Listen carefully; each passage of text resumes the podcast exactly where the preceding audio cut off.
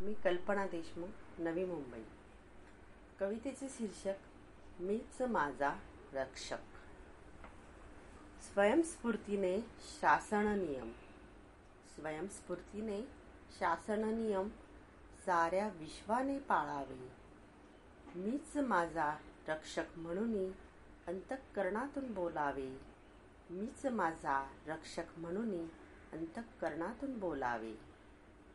कितीही आली संकटे कितीही आली संकटे धैर्याने करीन मी सामना. थोडी स्वयंशिस्त लावा ठणकावून सांगेन मना. थोडी स्वयंशिस्त लावा ठणकावून सांगेन याजना.